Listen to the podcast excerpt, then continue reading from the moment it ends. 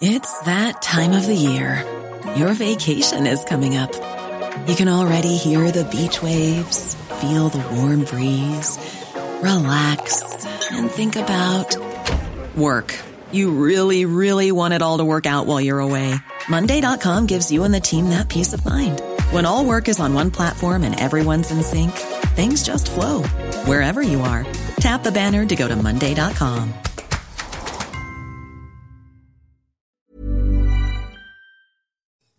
Jag skulle vilja veta vad en killgissning är. Det är fjärde gången jag hör det ordet idag. Eh, en gissning med malplacerat självförtroende.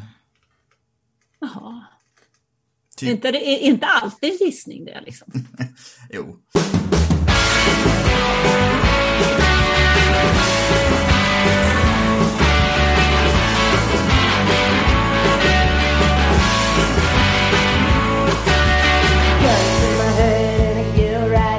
Me. Nothing to see but the faces around me.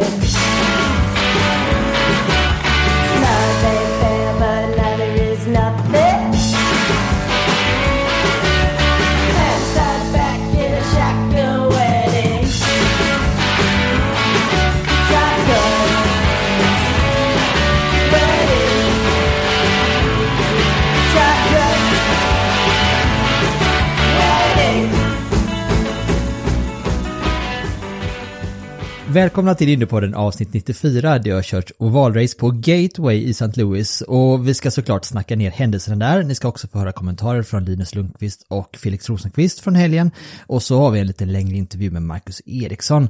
Jag heter Ronny Larsson Miles och med mig har jag Indycar-virtuosen Jakob Fredriksson och en av Sveriges mest erfarna motorsportreportrar Aftonbladets och Indypoddens Anna Andersson. Hur är läget med er? Jo vars. Det är strålande, får vi säga. Va? Det är måndag.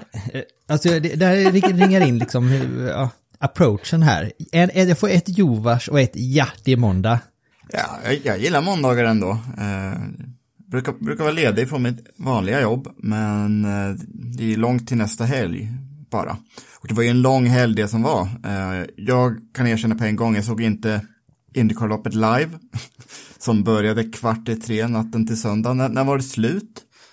Eh, loppet på, pågick i alla fall två timmar och 24 minuter, så det var klart då bit efter fem på morgonen. Ja. Strångt av dem som eh, kollar igenom det live utan att somna. Tackar, tackar, tackar, tackar. Mm. Men du, du har inte sett det två gånger den här veckan då, Ronny? Svappade sen över till Le Mans 24 timmars också. Nej, alltså, eller, nej, jag kollar inte på det två gånger. Jag, eh, däremot så kollar jag på, det är ju sådana här checka, du vet, fast forward eh, sammanfattningar de kör på en halvtimme. Så det är alltid det är bra om man vill se det, typ, det viktigaste en gång till kan man göra. Ja, de, är- de är användbara för då får, man ju också insikterna som de amerikanska kommentatorerna fick. Fast jag gillar faktiskt inte det. Inte? Att få de amerikanska kommentatorernas input. Nej, men alltså jag känner ju att de vill ju pracka på mig någonting. Det är lite så här extra försäljning av det de tycker är bäst. Säger det kvällstidningsjournalisten Anna Andersson. Ja, men jag vill ju tycka själv. M- Men har, Ja, i och ja, för sig. De, de försöker sälja sin produkt på ett annat sätt än vad som är kutym i svensk kommentering. Alltså jag vet inte, jag är inte så himla, jag, jag kör hellre då eh, ett, ett, ett varv till på racet liksom eh, med lite snabbspolning där jag känner att det behövs. Eller behövdes. Eller så sätter jag upp liksom så på, vad heter det, som man, man hör dem i snabbspolning som kalanka kvackar lite. Men jag, jag har ju tittat, i- vissa veckor har jag tittat två gånger på racet och vissa gånger har jag gjort så här, sett racet och sen har jag sett snabbreprisen kan man väl kalla det för. Jag tycker ändå att de brukar plocka fram det gottaste ur kakan på de här snabbrepriserna. Jag tycker ändå det Men brukar... då tycker ju du som dem. Ja. Jag kanske bara vill rätta, Men jag kanske bara vill rätta in mig i ledet. Jag är så konflikträdd. Aha, jag, jag vill vara lite mera så här Challe Tvärvig och motsols, känner jag. Men då kanske du ska få lite utlopp för det här nu då. För eh, innan vi går igenom racet i liksom, lite mer i detalj kan man säga med de så kallade nyckelhändelserna. Så vad tyckte ni övergripande om helgen och om racet i stort? Ett problem med Gateway är ju att det är så himla svårt att köra om. Och det blev inte bättre den här gången över att det blev, blev till slut ett race man försökte snåla med bränslet hela loppet igenom. Vilket var lite synd, för det var ju ändå bättre än vad det var förra året när loppen kördes i dagsljus. Indycar har ju hittat någonting som gör loppet bättre men ändå blev det en perfekt storm som gjorde att det ändå inte blev så många omkörningar som man kanske hade hoppats på förhand. Mm, trots det så var det ett väldigt spännande taktiskt race. Ja, sen blir det ju en sån, här, mm, en sån här helg som kan få så vansinnigt stor betydelse för eh, mästerskapet. Eh, just när vi har den här smällen för Palou och Dixon som gör att det händer väldigt mycket men ändå ingenting på något sätt i, i toppen av mästerskapet och det är ju lite intressant. Så att vi, vi behåller ju spänningen här in i de tre sista i september. Det känns ju som den som lyckas få en gyllene start på hösten kan ha en härlig vinter sen. Det känns ju redan som att Joseph Newgarden har fått den där gyllene starten på säsongen, eller slutet av säsongen här nu, för eh, nu vann han ju i helgen igen då. Jag tänkte på det, det var alltså eh, topp fem så var det idel Chevrolet-bilar. Men det kanske inte, det, det säger inte så mycket om farten i det här racet utan det var ju lite snarare lite tillförlitlighetsproblem då för eh, vissa team då. För det var ju några Honda, Honda med där uppe i toppen men till slut så var det, var det så fem Chevrolet-bilar i topp. Eh, och bland topp 10 så var samtliga fyra Penske-förare. Säger det er någonting? Ja, det säger mig inte mer än att Penske har hittat tillbaka till Penske-formen ändå. Men de brukar ju göra det på hösten känns det som. Eh, I alla fall Newgarden. Han eh, gillar ju att sticka ut i slutet av säsongen. Det är inte första gången. Och det här är ju en bana där han är väldigt stark också. Han har alltså vunnit hälften av alla lopp som körs här sedan Indycar återvände till Gateway 2017. Eh, Och det var det andra raka, man, det andra loppet förra året också, han vann 2017 med. Så det, det var ganska väntat resultat, men det blev ju spänning om det och det var ju synd att Colton Hurta fick tekniska problem och eh, fall, föll ifrån med eh, ungefär ett depåstopp kvar. Om vi börjar med topp 10 från själva racet så var det alltså Joseph Newgarden som eh, tog säsongens andra seger eh, och blandar sig in och tar sig upp på tredje plats i mästerskapet och så på andra plats har vi Pat Ward som med den andra platsen blir ny mästerskapsledare. Sen har vi Will Power på tredje plats och så Scott McLaughlin på fjärde. Sebastian Bourdais tangerar årsbästat med femte plats. Eh, Takuma Sato på sjätte, Ryan Hunter Ray på sjunde, Simon Pagenaud på åttonde, Marcus Eriksson på nionde plats och Jack Harvey avrundar topp 10. Ska, vad, om vi börjar med kvalet på, det var ju intensivt det här, det var en träning, ett kval och ett race inom loppet av typ 12 minuter eh, på lördagen. Eh, och ur svensk perspektiv så såg ju träningen bra ut. Där hade vi Marcus på en sjätte plats och Felix på en sjunde plats om jag inte minns fel. Och sen så fortsatte den formen fint in i, i kvalet sen för där ur svensk perspektiv så tänker jag att Felix var ju, gick ut med tanke på då på att han, eftersom han ligger en bit ner i eh, eh, mästerskapet nu så innebar det att han var en av de första bilarna som skulle gå ut då och kvala. Och den tiden han satte höll ju sig väldigt länge. Det jag har ju sagt mycket om eh, Schmidt Peterson McLarens eh, ovalform. Och Pato vann ju i Texas där Felix var nära att ta ett par pallplatser. Och de var ju snabba på Indianapolis. Så det förvånar mig inte alls att de faktiskt var, var med där uppe. Och synd bara igen att det inte blir något resultat. Men eh, fak faktum är att apropå kvalet, jag blev överraskad att Will Power tog pole position för han har ju inte haft någon kvalform i år men nu kommer han Fick en lite mer förhoppning att komma ifatt Mario Andretti i kvalstatistiken, vilket jag tycker är kul. Men lite överraskande faktiskt. Mm. Detta var alltså Will Powers 63 om jag inte eh, räknat fel, eh, pole position i karriären och eh, är nu då Mario Andretti den regerande kvalkungen kan man säga då, eh, historiskt som ligger på 67 pole positions då. Så att eh, ja, Will Power närmar sig med stormsteg där. Vilket ju har varit intressant med tanke på att han inte har haft någon direkt kvalfart i år då, men vem vet, han kanske han är inne kanske i fatt redan den här säsongen då. Mm, nej, det, Nej det gör han ju inte, det går ju inte för det är bara tre race kvar. Men han kan vara snubblande nära vid, ja men då ska det mycket till om man ska ta pole position i samtliga kvalrace som sagt. Eh, men överlag så tycker jag Penske imponerade starkt i kvalet. Vi tar Marcus Eriksson så gjorde han ett eh, stabilt kval eh, och kvalar sexa då. Så både Felix och Marcus skapar ju sig bra förutsättningar inför racet då på en sjätte och en tionde plats. Någon som hade lite tuffare då, det var ju den dåvarande mästerskapsledaren Alex Palou som eh, jag tror han kvalade tolfte snabbast och hade då en nio platsers gridbestraffning på grund av ytterligare ett motorbyte som han tvingats till då. Så han eh, fick ju starta en bit ner. Eh, något annat, några fler som utmärkte sig på kvalet? Mm. Andretti-bilarna då? Hurta Rossi. Ja. Och där dog den diskussionen ut. Så då kanske vi går vidare till, till racet då. Ja, som du sa Jakob, så vart det ju... Alltså, om detta hade varit, inte hade varit lika många guldflaggor eller så, så hade det ju potentiellt kunnat bli eh, en fyrstoppare då. Eh, då hade det ju inneburit att alla hade kunnat köra full strut hela vägen in till mål. Ingen bränslebesparande eller någonting, utan det hade varit fullt ös. Nu vart det ju incidenter, en första incidenten kom redan på varv nummer tre när Ed Jones och eh, Graham Rahal krokade ihop. Där har det varit lite beef efteråt. De har inte riktigt, ingen av dem har velat ta på sig det här. Vad tyckte ni om den situationen? Ja, jag, jag, jag är på Rayhols sida. Jag tycker Jones gör, gör ett ganska grov missräkning. Han försöker fula lite mot Rahal och ta en väldigt vid ingång. Sen gör han bort sig och eh, prejar av Rahal. Det är min analys av den situationen. Rahal hade ju bra fart och han sa, han sa ju att han försökte backa ur den där situationen. Men Jones bara plågar fram och eh, ja, jag skulle sätta det 75-25 på Jones i alla fall. I sånt här läge får man inte säga emot Jakob. Det går inte. inte när han är så himla säker på sin sak. Jag tittade ju på reprisen då och såg. och eh, jag tänkte, eh, ja, han var lite ur spår Ed Jones då. Men det kanske blir naturligt så att man missar på en, en halv meter ungefär. För jag tycker inte, jag tycker man tar en ganska vid kurv, man tar en ganska vid sväng in i den kurvan. Och han, jag tittade på de, de bilarna som var framför så han var inte, det var inte så att han tappade spåret helt och hållet. Det tycker jag inte. Men det var, jag vet inte om hans fram eller bakhjul eller vad det nu kan ha varit, Ed Johns bakhjul eller några framhjulet som liksom tog fart eh, i Rahals golv typ, nära bakdäcket och det var det som gjorde att de skjutsade iväg, att det var liksom, det blev en race incident av det. Eh, men jag, jag tycker, ja, det var inte lika svart och vitt för, för mig faktiskt, Jakob.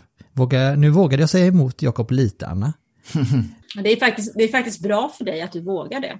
Du som är så konflikträdd. Ja, ja. Men så, nu har du ändå svängt här nu. Jag är konflikträdd inför avsnittet och så nu går jag emot Jakob då, som är typ gud Då så. här då. Bra. Och så du Anna säger innan, jag vill inte veta någonting av vad de säger i USA. Jag vet allt det. Jag vill ha mina egna uppfattningar. Så nu vågar du inte säga emot. Men du kanske håller med Jakob? Det är kanske bara helt Ja, men alltså när det gäller det, det, i den andra saken så kan jag känna att jag inte vill ha någon förutfattad mening till vad de tycker och när de försöker sälja sin produkt. Men i det här fallet så vet ju jag att Jakob har rätt 98 procent av gångerna. Så det känns ju som att det är en förlust hur jag än gör. Men egentligen den viktigaste aspekten här är ju att Ray Hall har mångfaldigt mycket mer ovalerfarenhet än vad Ed Jones har. Jo. Ray Hall vet ju att han kan klara av den här manövern. Jones går in i, i den här situationen med förmodligen lite skakigare ben. Ja, men titta, han har ju sitt case liksom. Vad ska vi, vad ska vi göra? Nej, men jag lägger mig platt då. Ray hade rätt- hade rätt, Jones har fel. Ja.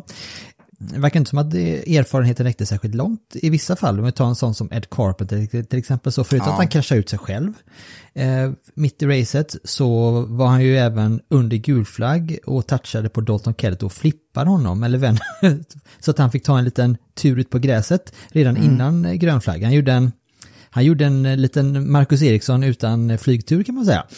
Jo, Eh, det kan man ju faktiskt säga. så att samma, och då har du det och sen så har du då Alex Rossi till exempel som, alltså misstaget han gör var ju på eget bevåg, han missade när han kraschade ur sig till exempel och så. Så att det, det vart ju ett race där vissa veteraner inte riktigt eh, höll hela vägen kan man väl säga. Uh, I och för sig skulle jag inte sätta Ed Carpenter riktigt samma nivå ändå som Ray Hall och, och Rossi när det gäller förartalang. Men Carpenter har ju kört nu, det är hans 19 säsong. Och uh, han är ju ovalspecialist, alltså han är ju den sista av den sortens förare som har växt upp med sprintcars och dirtcars. Så väldigt olustigt hur hans lopp uh, gick till. Det har ryktats en del om att han ska stiga åt sidan för nästa år och sen bara, kanske bara köra en tredje bil i vissa av valtävlingar. Och eh, det kan man nog vara dag- dags för det, att inte, att inte ko- kompromissera den bilen mer. För, för ändå, Conor Daly körde ju för ett annat stall den här, den här gången. Han hade ju ett okej lopp.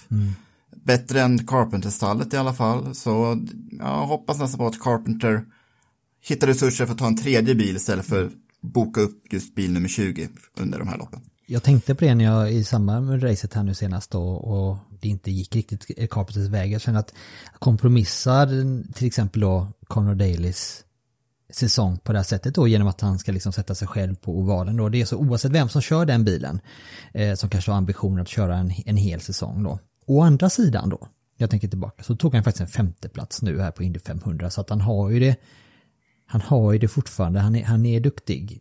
Och med det i tanken så är det ju, hade ju varit klockrent om man hade kunnat få köra en tredje bil, precis som du säger. Eh, vore klockrent också om man faktiskt inte gör sådana där grejer som man gjorde mot Dalton Kellett nu så. Ja, Eh, och sen Rossi-situationen då. Det var ju ett rookie-misstag nästan. Eller bilen bobblar till i mitten av kurva 1 och 2 och sen ut i det gråa. Men han försöker gå på gas igen efter det här, det här kastet han får. Och eh, det har ju Björn Widheim sa ju i sändning att det var ju det som eh, skickade upp honom i muren. det vart väl en karbonkopia av det som Marcus höll på att drabbas av. Han kom ju också ut i, i smutsen då, på strax innan sitt sista depåstopp då. Eh, vilket gjorde att han tappade ett par placeringar på det. Alltså han räddade sig från muren, å andra sidan. Alltså det är ju faktiskt fördelen där att Marcus gör att han faktiskt räddar situationen. Även om han tappar ett par placeringar så räddar han ju i slutpoä- slutändan poäng som kan vara extremt viktiga. Precis så. Men det som vi varit inne på i början då av podden när vi pratade om att det var, detta kunde ha varit en fyrstoppare, det var ju de här återkommande gulflaggorna då, då under de första 100 varven kan man säga, eller 70 varven som gjorde, bidrog då till att detta skulle bli en trestoppare och då vart det ju bränslesparande. Men det, det tycker ju, samtidigt som vissa tycker att det är lite tråkigt att folk fiskör så vet jag att du gottade lite av det Jakob, för då blir det lite mer taktik i, med i bilden. Ja, och jag blev lite besviken på att inte fler gjorde som Ryan Hunter Ray, att, att ga, gasa fullt, för det var då man kunde göra omkörningar. Romain Grosjean gjorde det ett tag, gjorde några riktigt snygga omkörningar, omkörningar. Uh, men syntes också att eh, det, det berodde ju lite på oerfarenhet, att uh, inte tänka på the big picture och Grosjean skulle ju tappa ett varv i och med den sortens strategi till slut. Ja, men han får ju lära sig lite. Alltså, det är Ja. ändå så att han killen kliver in som 14 man i sitt första oval-race, tycker inte jag är dåligt.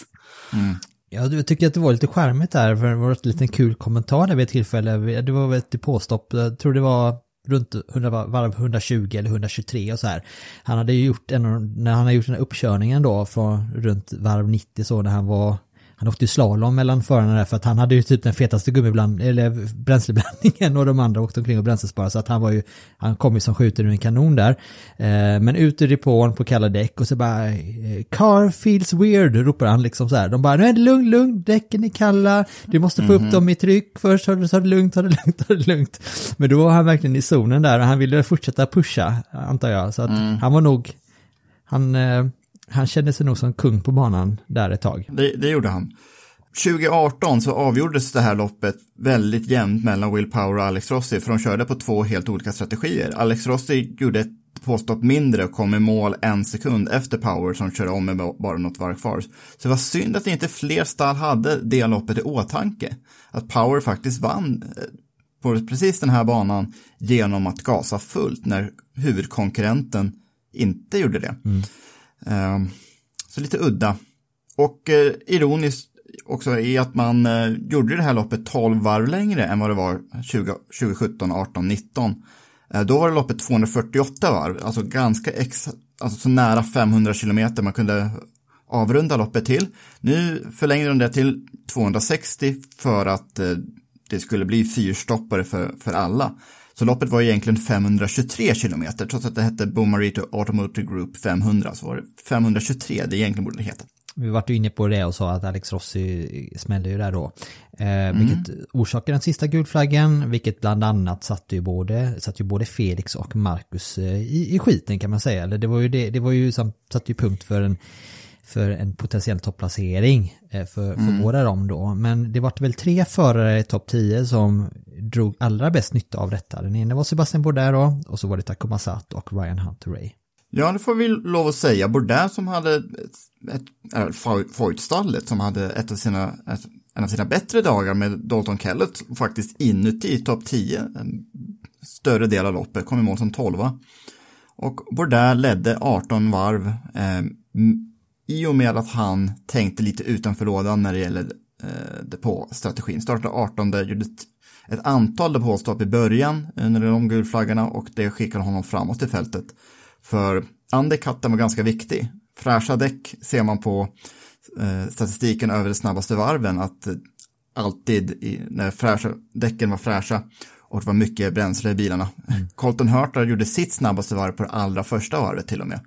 Medan det var Takuma Sato som gjorde loppets snabbaste varv på 100, varv 194. Det var ju bara tre, fyra varv efter hans eh, depåstopp. Mm. Mm, konstigt ändå, vill jag fortsätta påstå att eh, det var man följde, följde, följde varandra strategimässigt så, så pass mycket. Mm. Men tar vi Colton Hurta som du nämnde då så oturen fortsätter ju för honom, eller oflytet. Eh, det är en mini-Felix eh, kan man säga i år för honom från och till. Fast det är inte schysst att jämföra med Felix. Felix har inte bara otur, han, har ju någon, han, han kör ju omkring i något sådär stort svart moln som liksom inte vill ge sig. Det bara ligger konstant över hans bil vad han än gör. Så det känns som att det måste bara blåsa när säsongen är slut så att det där försvinner. För att han skulle kunna köra liksom, han kan köra sju dygn men det hjälper inte. Han kommer inte vinna någonting i alla fall. Både Colton och uh, Felix drabbas ju den här helgen av uh, Drivaxelbrott. Drivaxelbrott, ja precis. Och det var... ja, men varför är det Felix drivaxel som går och inte Patos? Kan någon tala om det för mig? Det är samma stall liksom. Och varför, är det, varför är det så hela tiden? Det är sån här ja. me mexikansk eh, häxkonst tror jag. Mm -hmm. En voodoo-docka mm. liksom? Ja, om, det, om de har voodoo-dockor i Mexiko, det vet jag inte. Jag vet inte, men det kändes lite sydamerikanskt när jag sa det. Voodoo-dockor från Haiti, men eh, poängen består. um... ja, men va, vad är det som gör att det är någon som vill Felix så illa? Han är ju så snäll. Och ja. duktig. Ja. Men jag tror det, det är ju fokus i stallet. Eh, de sätter ju alla resurser på år nu för, för att den är med alltså, i mästerskapet. Han som... Kan han få en taskig drivaxel menar du? Från början liksom. Ja. Det, det, är liksom Ronnie Pettersson-grejen där, va? att det är Andretti som får allting bra och medan den andra får ta ihop, dra ihop det som finns kvar. Så går det åt fanders. Ja, nu killgissar jag ju bara, men de kanske spenderar lite mer tid på just Awards bil eller Awards bilar. Det skulle vara eh, mitt antagande av just den situationen. För vadå, det här fjärde loppet i år som just bil nummer sju har ett tekniskt fel som avslutar loppet. Det är ju inte någon genetisk smålänning i alla fall som jobbar på bilen kan vi konstatera. Mm. Då hade den ju varit hel. mm. P.O. Rosenqvist, Felix pappa, du får göra en insats nu. Ja, kommer lite skruvar, ja. någonting är det som inte stämmer. Nej men jag blir nästan lite irriterad alltså. Jag tycker det lite, nej jag gillar inte det här. Vi fick en kommentar från Felix här nu efter racet och så här lät den. Eh, kul att vara tillbaka på val. Uh, var rätt tufft inledningsvis att uh, behöva rulla ut trea i kvalet. Jag kände att vi maximerade där och uh, topp 10 i kvalet kändes som att uh, ja, vi överpresterade lite med tanke på vad vi var vi startade och det kändes som att vi hade väldigt bra potential om vi hade rullat ut lite senare. Så det, det var kul. Styrkebesked liksom. Uh, fortsatt speed på valen. Racet var väl uh, väldigt bra inledningsvis. Jag kände att jag hade riktigt bra pace och kunde attackera. Uh, första depåstoppet så hade jag som en halv stål typ. Svårt att förklara men jag var, jag var redan i fastlane och sen när jag slutade snurra hjulen så kom motorn precis ner i varvtal där den bara slutade driva och så fick jag liksom dra i kopplingen och försöka starta igång den igen på så sätt. Och med det momentum jag hade till slut fick jag igång den. Men jag tappade ju 6-7 platser. Eh, sen hade vi rätt otur sista stoppet precis som Marcus att vi det blev eh, fel i hela den sekvensen där vi låg precis bakom på det och jag tror han kom ut femma efter sista stoppen och vi kom ut elva. Men eh, bra sista omstart, uppe på nionde plats och då pajade drivaxeln. Så att, eh, ja, upp, upp och ner. Eh, bra speed emellanåt, sådär speed i mitten av racet. Lite som Indy GP men ja, surt att vi inte kunde, att, att vi fick bryta på grund av tekniskt fel. Det var väl det man minst anade. Men jag, jag, hade, jag hörde hur det klonkade i transmissionen eh, under stora delar av racet. Så jag, jag sa det till teamet ganska tidigt och uh, så visade det sig då att det var det, var det som var, höll på att gå sönder hela tiden. Så att, uh, nej, slut.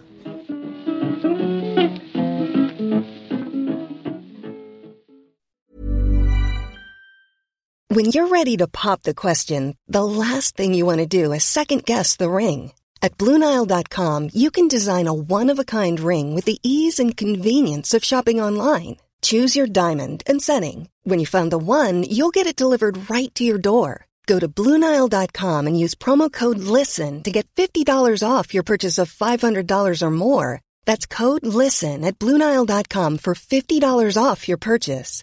Bluenile.com code LISTEN. There's never been a faster or easier way to start your weight loss journey than with PlushCare. PlushCare accepts most insurance plans and gives you online access to board-certified physicians who can prescribe FDA-approved weight loss medications like Wigovi and Zepbound for those who qualify. Take charge of your health and speak with a board-certified physician about a weight loss plan that's right for you. Get started today at plushcare.com slash weight loss. That's plushcare.com slash weight loss. plushcare.com slash weight loss. Men Jakob, igen. Klonkade i transmissionen. Det låter ju som att det verkligen är någon som inte har varit och skruvat på rätt ställe. Ja, tydligen så ett drivaxelbrott känner man ju av rätt fysiskt om jag har förstått saken rätt. Det var ju därför Colton Hurta gick det på, för att han kände att det var någonting som var skevt i bilen. Det, det är ju ett fysiskt brott, det är, det är ju inte mjukvara som Detroit verkar ha varit. Utan det här är nå- något eh, väldigt mekaniskt som eh, fallerar.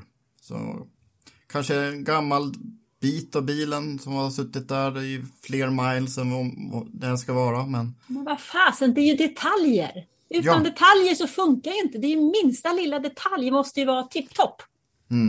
I Colton Hurtas fall så verkar det som att det eh, han, jag vet inte om ni såg det, i, i ett av hans depåstopp så spann han alltså däcken innan de släppte ner bilen. det brukar man ju undvika. Eh, de amerikanska kommentatorerna då, Anna, hade ju en teori om att de trodde att när han spann det innan han satt ner det, så liksom, där gick någonting sönder då. Eh, så var det ju inte i så fall då i, i Felix fall, för där kände, hörde han ju det under, under en lång stund då. Men eh, ja, synd, var imponerande första, imponerande kval, imponerande första halva då och sen otur, otur och otur. Men finns det otur?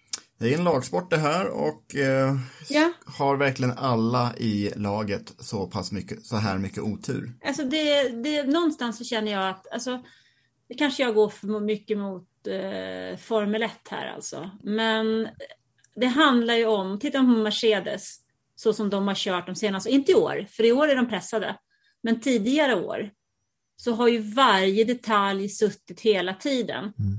Var det inte det året, nu måste jag leta i minnet här, men var det inte det året 2016 när Rosberg vann som Hamilton har ett eh, en motor, eh, det är någonting som inte funkar. Jag tror att det var motor någonstans i Malaysia eller sånt. Ja, det kommer jag ihåg.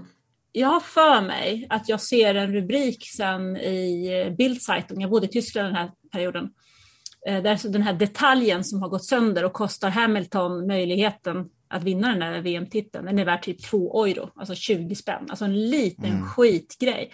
Och någonstans blir när vi pratar då, eh, pratar Indycar här och det är otur på otur på otur på otur, ja men ärligt talat, otur det är fyra bokstäver någonstans måste man ju titta på varje detalj. Man måste ju titta på allting så att man gör saker och ting rätt. Då, då ska man inte behöva ha otur hälften av racen. Förra veckan var det Jakob som hade de där bevingade orden och den här gången smäller Anna till med otur, det är fyra bokstäver. Nej, är det inte det då? Är det fem? Nej. jag, jag, det jag, imponerar, du drog till den.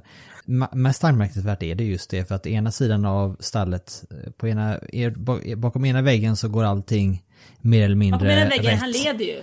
Ja, och den andra, på den andra väggen så är det återkommande mekaniska fel och Jag ser liksom så här tecknad film framför mig. Man ser liksom Felix bil där och han kör liksom med, så här kalanka svart moln över sig som bara är på väg att brista ut i regn. Mm. Och sen så kör Pato förbi och det är bara strålande, strålande solsken. Om vi tar den andra svensken då i fältet, Marcus Eriksson.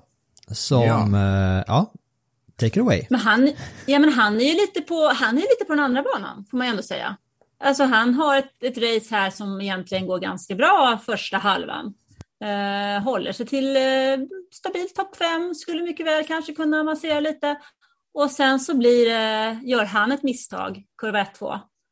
Eh, han räddar sig därifrån och hamnar i muren. Han räddar poäng, men han tappar ett par bilar. Och så har han lite otur med en gul flagg. Men han, knegar sig ändå i mål på en nionde plats och eh, har ju ändå lite tur för att eh, Palou och Dixon tappar väldigt mycket poäng. Så han är ju 17 inte längre ifrån ledningen nu än vad han var för en vecka sedan. Han var 62 poäng ifrån, nu är det väl 60, eller har jag räknat fel Jakob? Det är helt rätt. Nu är det 60 och han är hela 51 poäng före Colton Hurta då som ligger på sjätte plats i mästerskapet. Så att han, allt som allt är ändå en, en gynnsam helg för Marcus. Eh, kunde varit ännu bättre men en gynnsam helg ur mästerskapsperspektiv. Ja, han plockar ändå in två poäng på ledningen, fast han var nia. Så att, mm. Aggressiviteten var inte riktigt där för Marcus den här gången. Man såg det i omstarterna att eh, han dök inte på insidan som andra förare ofta ville göra. Eh, han tog den långa säkra vägen eh, på omstarterna, tappade i någon enstaka position där. Starten var bra när han tog sig upp till femte.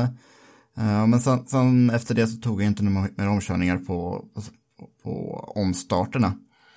Det var, det var en kämpainsats. Det var ju väldigt skönt att eh, en dålig dag på jobbet för Marcus nu är ju nionde plats och det, det är ändå topp 10 placeringar som eh, är lite pres- prestigefyllda oavsett hur dagen ser ut. Så det var ju skönt ändå. Men Jakob, du har ju äran att prata med Marcus här nu efter racet. Vi kan väl lyssna på den intervjun? Tack Marcus för att du är med och pratar med oss. Eh, St. Louis, vad är det för stad? Det är en stad med en stor, stor båge. sen, sen, eh, nej, sen är det inte, jag har inte sett så mycket mer av det. Man, eh, vi bor jämt där i downtown och sen eh, är det ju kvällsrace, så det blir inte så att man hinner med så mycket mer än åka till hotellet och sen direkt till banan. Så har Mm. inte så mycket erfarenheter av St. Louis mer än man har sett den där som sagt stora bågen. Mm. Väldigt intensiv helg då. Helg är det inte, det är ju en dag när vi kör kortovaler bara. Träning, kval, race för samma dag. Eh, vad tycker du om det formatet? Ja, alltså, jag tycker väl att det är bättre att, att dela upp det i alla fall på två dagar. Eh, det blir ju det blir en lång dag och en, en, en väldigt intensiv dag, vilket i och för sig inte gör någonting emot, men, men samtidigt så blir det. Eh, jag tycker ändå att det, det är skönt att ha två dagar och, och liksom på, på en racehelg, om jag själv får välja. Men, eh, men det är bara att gilla läget. Det, det, det, det, funkar ju att köra på en dag som vi gjorde nu. Liksom. Man har en träning, man hinner köra in sig på det och sen ett kval och sen race. Då. Men som sagt, det blir, det blir, en, eh, det blir en lång dag.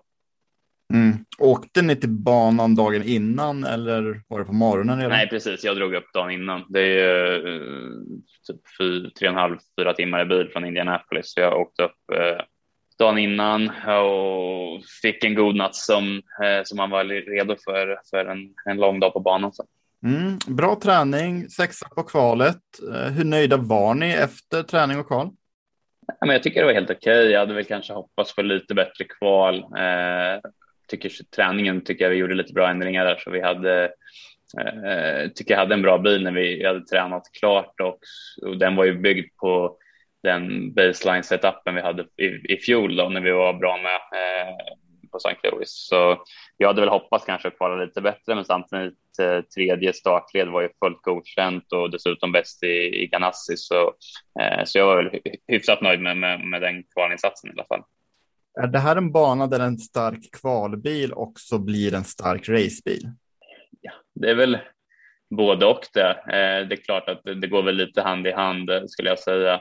Den här banan har inte så jättemycket eh, slitage på däcken så därför så kan man ligga rätt så och köra rätt så hårt även i racet. Så därför så har du en bil som funkar bra på kvalet så ska den ju oftast funka rätt så bra i racet också. Mm. Och sen blev det ganska stökig inledning på racet.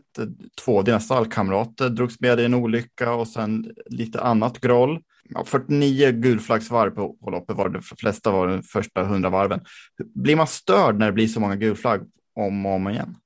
Ja, men det är klart att det, det är skönt att komma igång och komma in i rytmen i racet och det var ju svårt att göra den när det var i stort sett varje start och omstart så händer det en ny krasch eller någonting. Så det blev en lite ryckig inledning, men samtidigt så var jag nöjd med hur jag, hur jag liksom tog mig an den första delen av racet. Jag gjorde en bra första start och tog mig förbi Award och sen tog Paginodo när han var ihop med Newgarden och, och liksom jag, jag jobbade mig framåt där egentligen hela tiden. Så jag, jag tycker jag gjorde en, en, en bra inledning på racet, absolut. Och sen kan du berätta hur tankegångarna gick för dig och, och stallet då när Scott och Alex bryter loppet efter lite drygt 50-60 varv? Eh, vad sker bakom kulisserna när två av tre mästerskapskombatanter i samma stall försvinner ur loppet? Egentligen ingenting om jag ska vara ärlig. Det är ju det som är lite med, med Indycar, att även om man är teamkamrat så är man ju små team i teamet som, som liksom fokuserar på, på en bil. Så det gjorde väl inte så jättemycket för, för vårat race att de försvann. Eh, mer än jag förstod att det var bra för mitt mästerskap att jag skulle ta in lite poäng på dem. Så, eh, men, men utöver det så betydde inte det egentligen någonting för, för, för våran tävling. Om du kör jämsides med Dixon eller Palou, så du tänker inte på dem som stallkamrater på samma sätt som du gjorde i Formel 1 då, eller? Nej, både och. Alltså, det är klart att eh, det är ju fortfarande teamkamrater och man, man kör ju helst inte ihop med, med en teamkamrat. Så, så där eh, skulle jag säga att man, man fortfarande har ju liksom den, den respekten för sina teamkamrater. Men, men på något sätt så är Indycar lite mer, eh, man är lite mer på egen hand tycker jag än i, i, i Form 1 och andra klasser där det är mer att du är teamkamrater eh, på ett annat sätt skulle jag säga. Mm. Kan, det hända under loppen att eh, Chip himself kommer på radion och säger någonting till dig? Ja, men det har hänt några gånger. Eh, nu kommer jag inte ihåg sist när det var han var på radion och pratade. Eh, det var något race, jag tror det var i år något race han var på. Men eh, han brukar inte alls för ofta vara på radion. Eh, det är väl ofta som han har gjort något väldigt bra eller väldigt dåligt. Det är väl då det händer. Okej. Okay. Att gratta kan jag ju förstå förstås. Ja, men... Det var ju lite fram och tillbaka i loppet för din del. Du var väl uppe på fjärde som bäst, eh, men blev en nionde plats mot slutet. Det var nära att du eh, hamnade i muren vid ett tillfälle, Utberg Grå, där Rossi sen brakade i muren. Hur nära var det egentligen att du själv skulle möta samma öde som Rossi?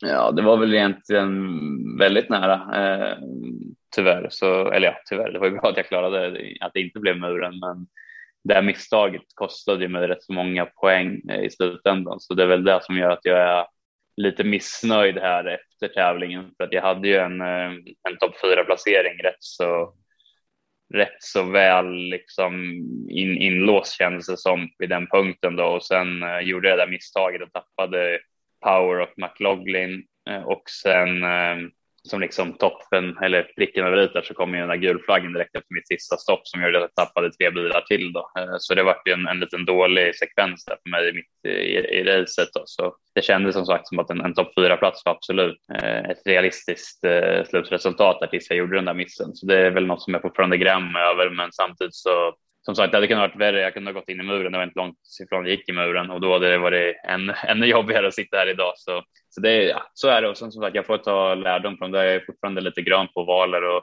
jag vet vad jag gjorde för fel och jag vet varför det hände. Och eh, som sagt, då får man ändå se någonting positivt ur det, att man, man lärde sig en, en läxa. Så nästa gång man är i en liknande situation så vet man vad man ska göra.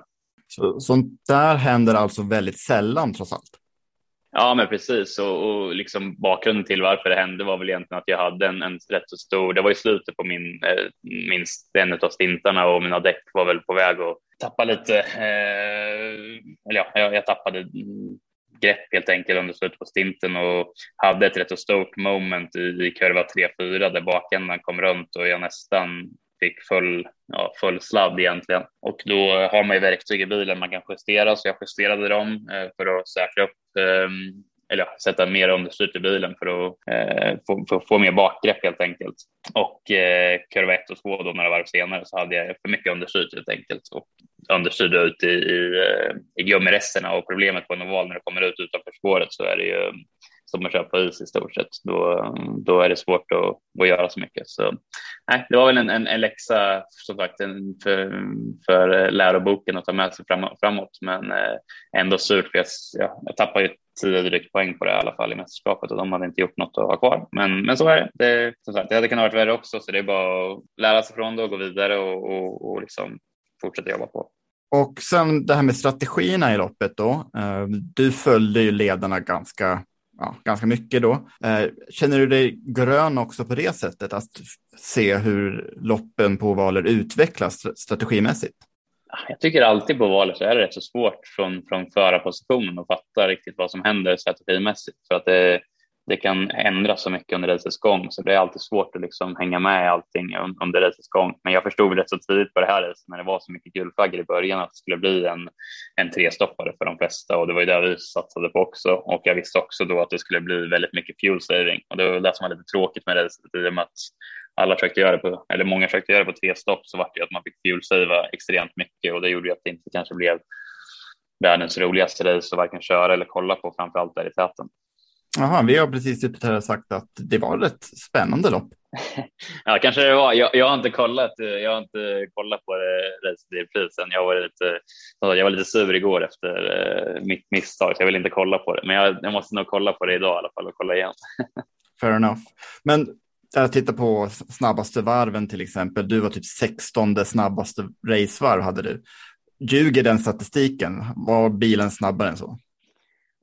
Jag vet inte. Det är, på en oval är det alltid svårt. Jag vet att det var ju många som, det var en hel del som körde fyra stoppare och då kan du pusha egentligen hela racet och det är klart att det går ju snabbare. Jag körde ju typ 95 procent av mina varv så släppte jag ju på gasen på typ start och mål och coastade hela vägen in i kurva 1-2 så då är det klart att då blir det svårt att göra så mycket snabbare tider. Så jag tycker min bil var rätt så bra. Det var väl egentligen sista sista stinten där efter jag kom, eh, kom ut lite längre ner i fältet som jag inte tyckte bilen var lika bra. Eh, jag, jag kom ju ut där som, som åtta eh, efter, efter Rossis krasch där och, och då um, tappade jag en plats i omstarten och sen hängde jag egentligen inte riktigt med sista stinten. Så det var väl lite konstigt hur bilen. Jag tycker bilen var mycket starkare under uh, resten av racet, men just sista stinten var vi inte riktigt lika bra av någon anledning.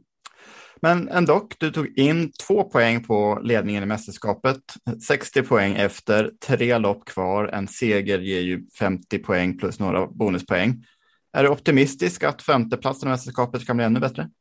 Ja, men det är klart jag måste sikta uppåt. Nu har jag ju en, en rätt stor buffert eh, bakåt eh, till, till sjätteplatsen, så så det är ju klart att, eh, att jag kommer sikta upp, uppåt och jag har ju tagit in lite poäng på, på Dixon och, och Palou och har ju fortfarande tagit mest poäng sedan Indy 500 i mästerskapet. Så, eh, så även om jag har varit lite missnöjd senaste två helgerna med två nionde platser så är jag ändå tar jag ändå bra med poäng och, och som sagt det, det, är ändå mycket poäng kvar att köra om. Så, och vi såg i helgen att det, det kan snabbt hända saker som, som ändrar på mycket. Eh, Palou eh, och, och Dixon tappade rätt så mycket poäng där med, när de var avkörda. Så så nej, jag siktar framåt och försöker eh, göra tre riktigt bra helger här på slutet så får vi se hur långt det, det räcker i mästerskapet.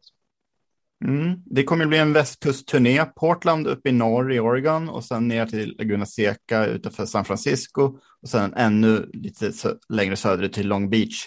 Eh, men du kommer, du kommer åka fram och tillbaka till Indianapolis under de här tre veckorna eller kommer du hålla dig där ute? Jag tror jag kommer vara kvar Eh, mellan ett av racen eh, och åka hem mellan ett av racen. För jag måste hem och köra lite simulator. Men jag sa, jag och Alex, eh, min tränare där, Älg, vi tänkte vara kvar i alla fall en vecka och, och hänga lite på västkusten. Det låter inte dumt det, men vad tycker du om banorna då?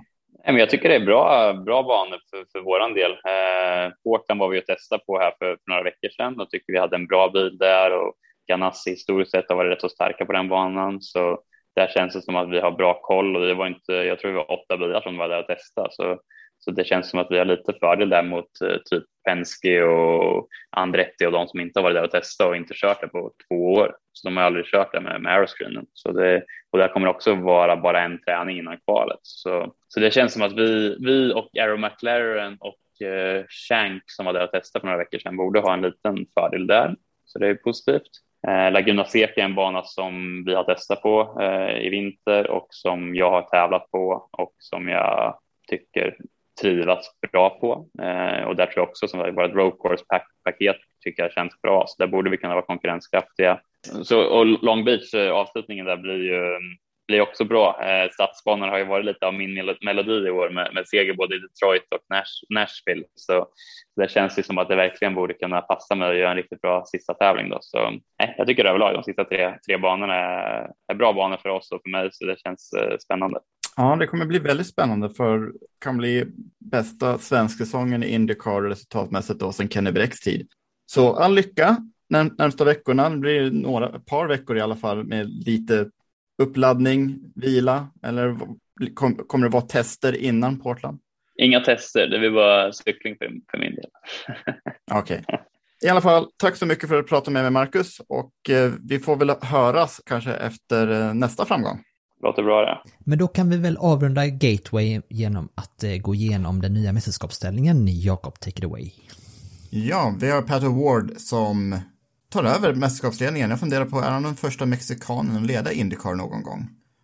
Kanske. Adrian Fernandez var ju med och slogs om mästerskapet några gånger runt millennieskiftet. Men jag vet inte om Fernandez någon gång ledde mästerskapet i alla fall. I alla fall, Pat Ward. Eh, två segrar, tre pole positions, 435 poäng. Alex Palou som då blev överkörd av Rinus VK tog med sig Scott Dixon. Han ligger 10 poäng efter. Eh, inga pole positions ens för, för Palou, men två segrar har ju och överraskande bra form hela året. Fortfarande urstark ut och hade väl en topp femma på gång innan eh, kraschen skedde. Mm. Uh, Joseph Newgarden är kanske den som är bäst form nu. Däremot, andra segern för året, tre pole positions har han tagit. Han ligger 413 poäng, det vill säga 12 poäng efter Palou, 22 efter Pato Ward. Scott Dixon behåller fjärdeplatsen, mästerskapet, 392 poäng, börjar bli lite avhängd.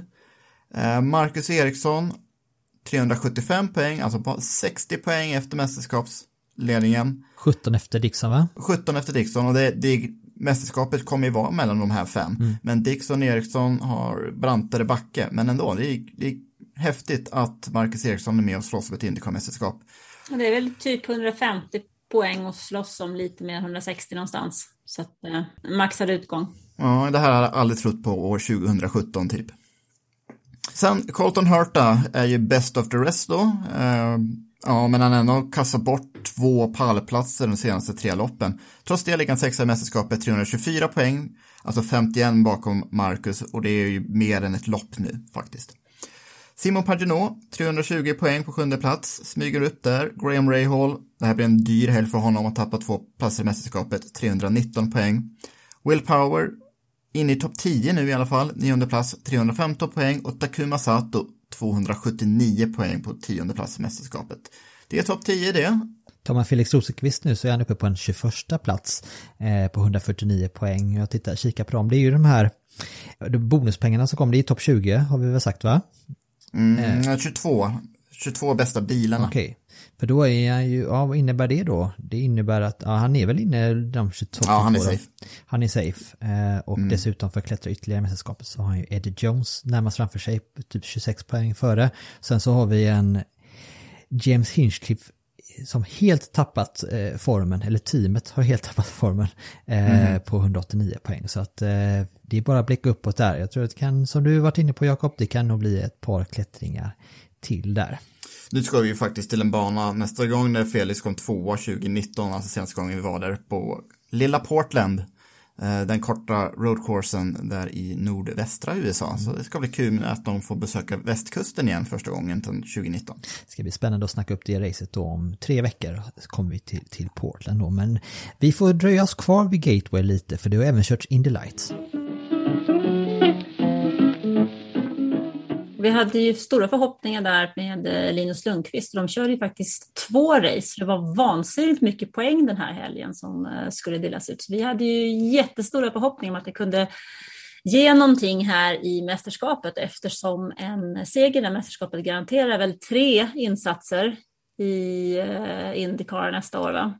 Det stämmer bra det. Det är väl lite drygt en miljon dollar också på spel och det är ju börjar se svårare ut för eh, Linus Lundqvist nu efter lite farsartad första tävling på Gateway då. Mm. Ja, du, ska, du sa ju, höll ju på att säga på bekantskapen med Indy Lights efter det loppet. I alla um, fall på min ehm, telefon ja. lät det så. Däcktillverkaren Cooper Tire som du kanske ville läxa upp lite. Du får välja. Jag vet inte hur många gånger Indy Lights har varit på Gateway. De var inte där förra året förstås. Mycket konstigt ändå att Cooper Tires levererar ett däck som inte håller. För det här var ju ändå det fjärde och femte In the Lights-loppet i, i, av den moderna upplagan som körs på den här banan. Inte varit något problem med däcken eh, 2017, 18, 19. Det var till och med längre lopp då. De testade tidigare i veckan. Det var inte något jättemärkligt väder heller. Men ändå så höll däcken bara lite drygt 30 varv den här gången och sen var det tre däck, inte däcksexplosioner utan slitsbanan lossnar och den lossnade som mest spektakulärt på Linus däck. Mycket märkligt och mycket dåligt att eh, det här fick ske. Det är riskfyllt också. Så vi snackar ju, ja, alltså vi snackar en oval här. De kör 300 knyck och en mur och så däck som, som inte håller. Det kan ju bli oerhörda skador. Det kan ju faktiskt kosta någon livet. Det, det är sjutton inte okej och det är dessutom inte okej tycker jag att man eh, har den typen och sen så stoppar man loppet sen. Det, har ju, kan, alltså det här kan ju få enorma konsekvenser för eh, sammandraget och för de här killarnas framtida karriärer. Och det blir jag, blir jag lite putt på kan man säga. Mm. Vi kanske ska säga vad som hände där i första racet då. För det är ju framförallt det, det racet ni pratar om här nu då för de som inte hängde med i helgen om, om resultatmässigt och så. Där vi hade ju alltså Linus kvalade P4 till första racet och var uppe på en andra plats eh, med, ja, med potential faktiskt att klättra till en första plats eh, rent av. Eh, men eh, däckexplosion som sagt då. Eh, och det var alltså efter det här då som de valde att eh, flagga av racet. Vad hände till andra racet? För då, då bestämde de sig för att ett obligatoriskt däckbyte efter 35 varv, alltså efter halva distansen. Ja, så brukar man tillåta sig göra i amerikansk racing. I Nascar har man ju så här competition cautions i nästan till varje lopp, bara för att kolla däckslitaget och lägga till ett obligatoriskt däcksbyte utifall det har varit liksom regn efter sista träningen eller något annat eh, fuff, fuffens med banan. Så det, det kan jag köpa ändå, att man lägger till det här obligatoriska, eh, obligatoriska depåstoppet för det andra alternativet var ju att ställa in loppet och det, det ville ju ingen. Men jag blir också, också, precis som Anna, lite putt på att man inte backar tillbaka ställningen i första loppet till ja, det som faktiskt fick loppet att avbrytas. Så när, särskilt när det är någon, något som serien levererar som fallerar. Ja, sen så visst, vi sitter ju här med väldigt blågula glasögon och tycker att det vore ju grymt kul om vi kunde ha tre svenskar i Indycar nästa år, förutsatt att eh, Marcus också stannar då. Men eh, man blir ju ändå lite sådär, hmm, 17 alltså. David Malukas var det som vann, eh, gjorde en eh, helt felfri helg. Kyle Kirkwood var aggressiv i första loppet, körde på bredsladd genom kurva 1 och 2 när han försökte köra om Malukas på utsidan. Ja, På väg att bli en rejäl incident mellan Linus och eh, Karl. Karl Kirkwood kör ju Ja. väldigt tufft men Linus bet ju ifrån där så jag tror till och med han var inne, touchade inte Linus lite kanske till och med? Jo, han körde ju verkligen på bredsladd och det var ju, det är ju fantastiskt att han räddade den bilen. Och sen så petade han till Linus i bakvagnen och eh, gör sin framvinge lite skev. Ja, jag tror inte det var, var betydde så mycket för bilens väghållning. Men Kirkwood fanns lite att fila på där, men han räddade ju i alla fall poäng. Eh, och nu har ju de två, Kirkwood och Malukas, stuckit ifrån Lundqvist lite i mästerskapet i och med den här, den här helgen. Men sen gjorde ju faktiskt Linus en ganska heroisk insats på söndagen där för han fick ju, det visade sig att de kunde inte laga hans ordinarie bil så han fick ju ta reservbilen, alltså Nikita Lastorskins bil som inte körde den här helgen då. Så att han körde med reservbil på söndagen och blir ändå fyra. Det är väl rätt imponerande Anna? Det är det väl absolut. Eh, men jag är fortfarande putt. Ja, det får gärna vara. Det får gärna vara. Det- Jag skulle faktiskt vilja höra vad Linus själv säger om hela situationen.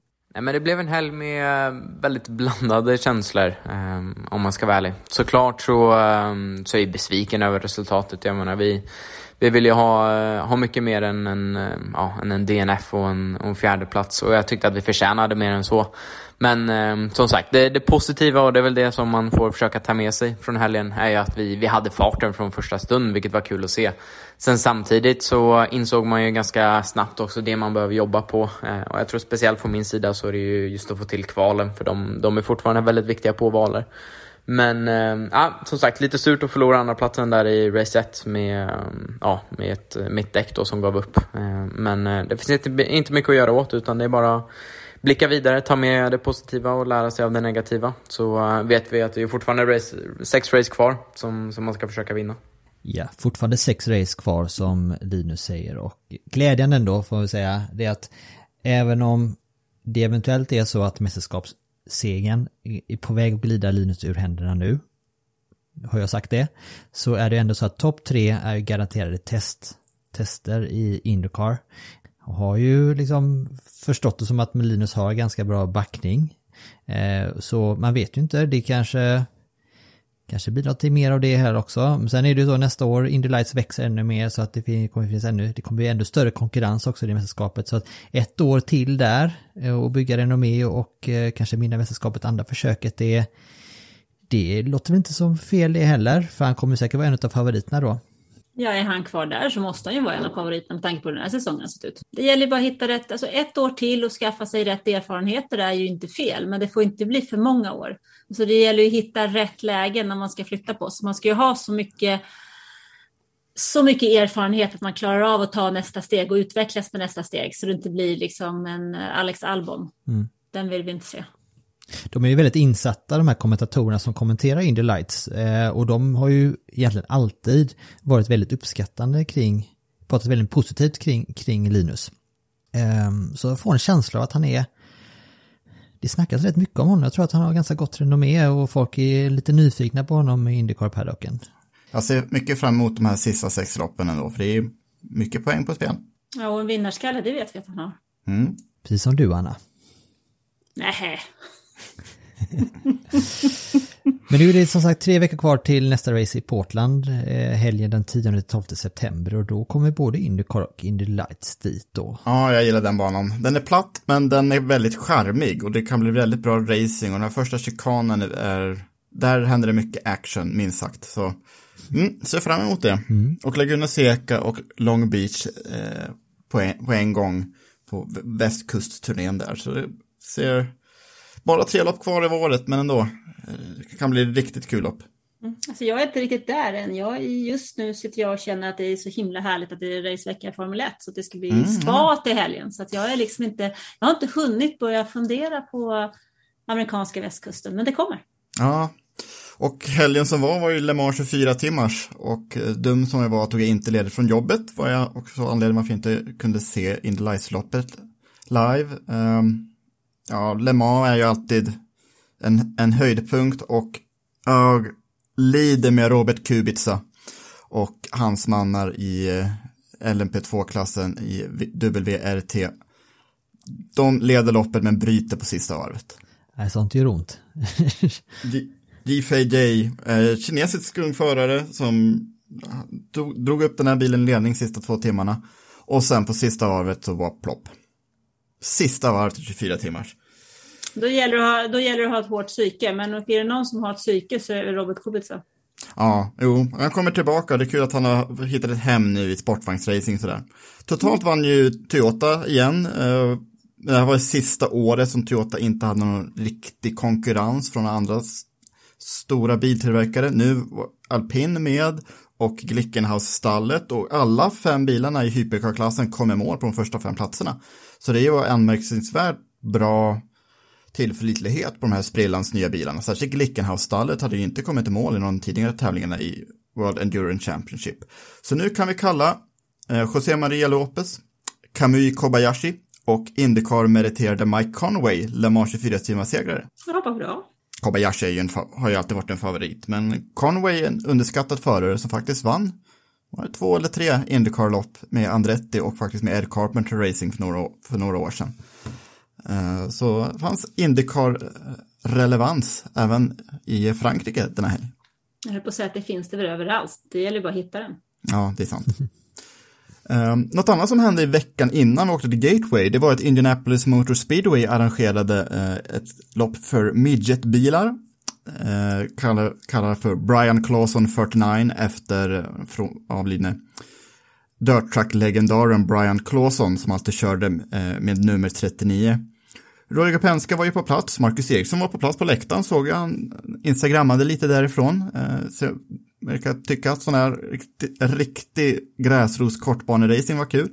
Men Penske hintade lite att eh, segraren av här BC39 kanske kan få köra Indy 500 i, i framtiden och segrade gjorde ju ingen mindre än Kyle Larson som ju dominerat Nascar i år och eh, lite ökänd på, på grund av dumma kommentarer på internet också. Men Kyle Larsson är, ja, i otrolig form och jag vill gärna se honom i en Indycar-bil också. Han vinner ju allt han sätter sig i. Nascar körde de ju på dirt track ju, testade de ju. Var det i år eller var det förra året? Det var, det var tidigare i år det på Bristol, men då, då blev Larsson påkörd. Eh, men han har ju vunnit fem eller sex lopp eh, hittills i år i Nascars eh, Cup Series. Han vann den största eh, sprintcar dirt track-tävlingen i Knoxville förra veckan. Och han, han kör ju väldigt mycket dirt tracks på fritiden. Eh, och han vinner i stort sett varenda gång han sätter sig i, i en bil på en dirt track. Men Indy, Indycar har ju en, en, eh, en historia på, även på dirt-ovaler, så att det, det kanske är Mm. någonting man skulle införa även på Indycar då. Ja, men liksom det är ju av den, den traditionen före Ed Carpenter är, är också och är ju ensam i Indycar med just den bakgrunden idag. Så Kyle Larsson är ju uppfödd på samma sätt som Foyt, Anser, Andretti, Carpenter. Så han, har ju, han skulle ju kunna få sin plats i, i Indycar, liksom, han har ju rätt DNA för det. Jag hoppas bara att det var mer än en hint som Roger Penske kom, kom med där. Eh, så eh, låt se ifall de lyckas arrangera något. Och mer än en hint, det är ju garanten att vi i Indypodden är tillbaka om en vecka igen nästa onsdag. Eh, Får vi se Mm. vart vi ska, vad vi ska snacka då, för då är det inte racevecka, men vi hittar väl på något. Mm, absolut. Stort tack till våra samarbetspartners Automotorsport och tickerracingshop.com och glöm inte att ni alltid har 20% rabatt i webbshoppen på stefanjohansson.art när ni använder rabattkoden Indypodden. Åh! Anna! Tack! Vad bra. Då eh, har det så bra, Anna och Jakob. Och eh, vad ska du skriva om i veckan, Anna, på Aftonbladet-bloggen? Ja, naturligtvis så är det omstart. Det är Race Week. Det är eh, Verstappen, Hamilton, det är all fakta, alla tider eh, som gäller inför helgen och sen så alltid de senaste nyheterna, såklart. In och läs den för allt i världen. Det tänker jag göra i alla fall. Härligt. Ha det bra! Ha det bra! Ha det bra! Hej då!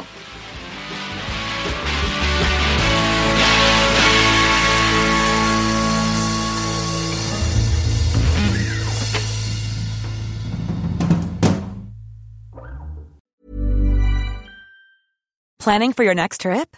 Elevate your travel style with Quince. Quince has all the jet setting essentials you'll want for your next getaway, like European linen, premium luggage options, buttery soft Italian leather bags, and so much more. And is all priced at 50 to 80% less than similar brands. Plus, Quince only works with factories that use safe and ethical manufacturing practices. Pack your bags with high-quality essentials you'll be wearing for vacations to come with Quince. Go to quince.com slash pack for free shipping and 365-day returns.